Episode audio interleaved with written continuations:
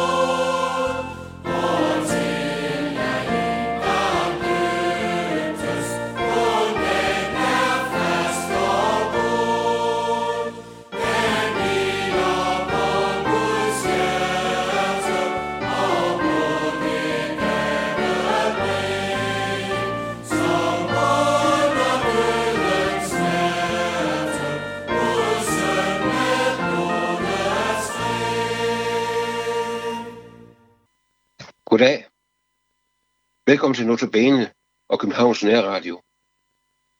Mit navn er Preben Dahl. Den uges tema er alene. Den lutherske kirke bygger på fem ord, som er knyttet til den latinske ord solas, som betyder alene eller bare. Et eksklusivt ord, som betyder, at intet er ved siden af eller kan overbyde det. De fem kendte er Kristus alene, nogen alene, skriften alene, troen alene, Guds ære alene. Og jeg har fået til, nemlig dig alene. I dag skal vi stanse for nåden alene, solo gratia. Det handler om frelse. Og du kan spørge, på hvilken grundlag bliver jeg frelst? Bibelen svarer, ved nåden alene.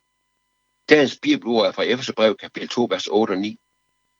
For alt noget er frelst ved tro. Det skyldes ikke jer selv. Gaven er Guds. Det skyldes ikke gerninger.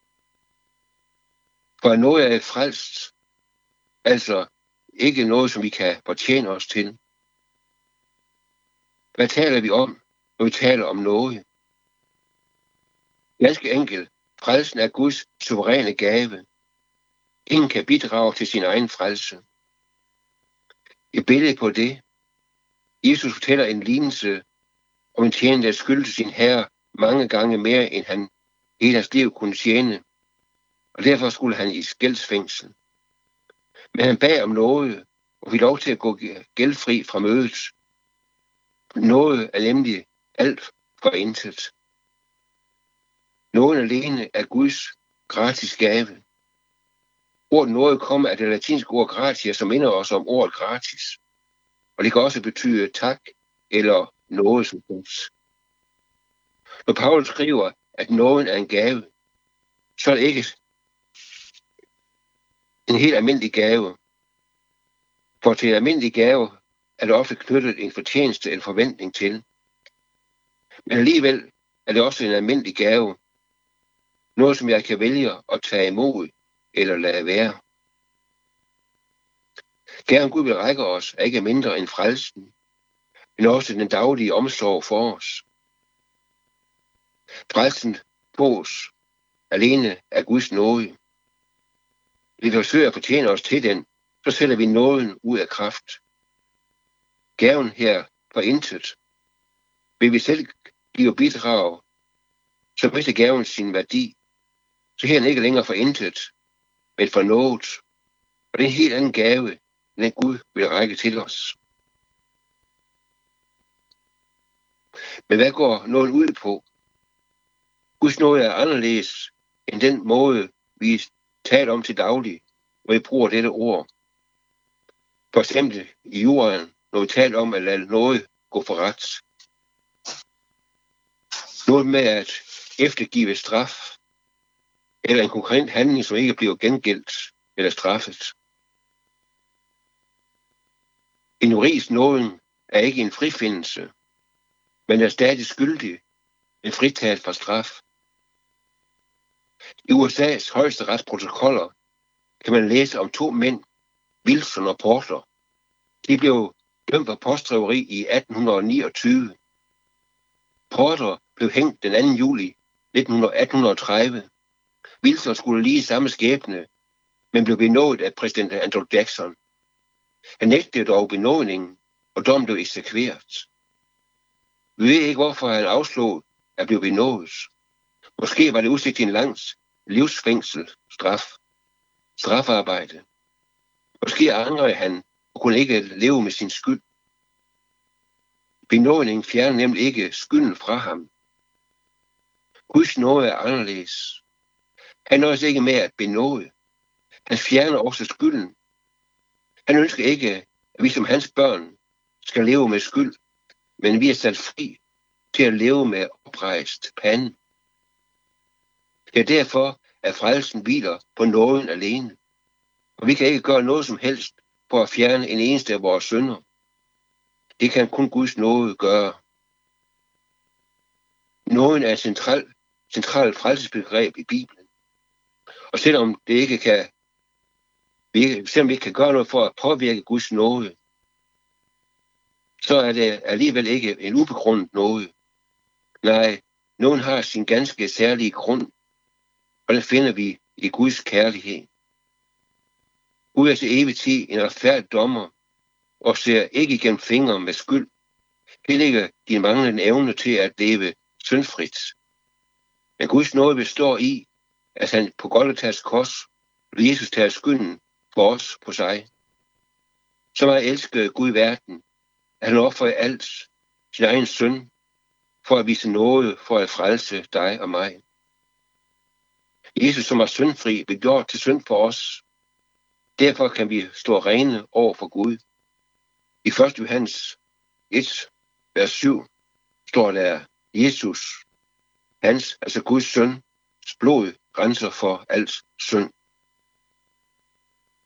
Det vigtigste at sige om nogen alene, når det gælder frelsen, men der er også andre ting, nemlig at vi hver eneste dag må få lov til at leve under Guds tilgivelse og omsorg. Vi fortjener ikke Guds daglige omsorg, men vi må tage hver dag som en gave fra ham. Jeg har forsøgt at sige lidt om, om nåden alene. Det betyder, at vi ikke på nogen måde kan fortjene os til frelse, eller andre af Guds gaver. Vi må regne med nåden alene. Alt hvad vi selv vil gøre, forhindrer os i at modtage Guds nåde. Slutter med et spørgsmål. Regner du med Guds nåde alene, når det gælder din frelse? Vi vil bede. Himmelske Far, tak fordi du er nådig Gud. Tak fordi du hver dag har omsorg for os. Og Jesus, tak fordi du offer dig på Golgata, for vi kunne blive renset helt for skyld. Og du gode Helligånd, vis os altid, at vi ikke kan betjene os til frelse, men at vi får den uforskyldt af Guds nåde i Guds kærlighed. Amen. Mit navn er Prem Dahl. Tak fordi du lyttede med.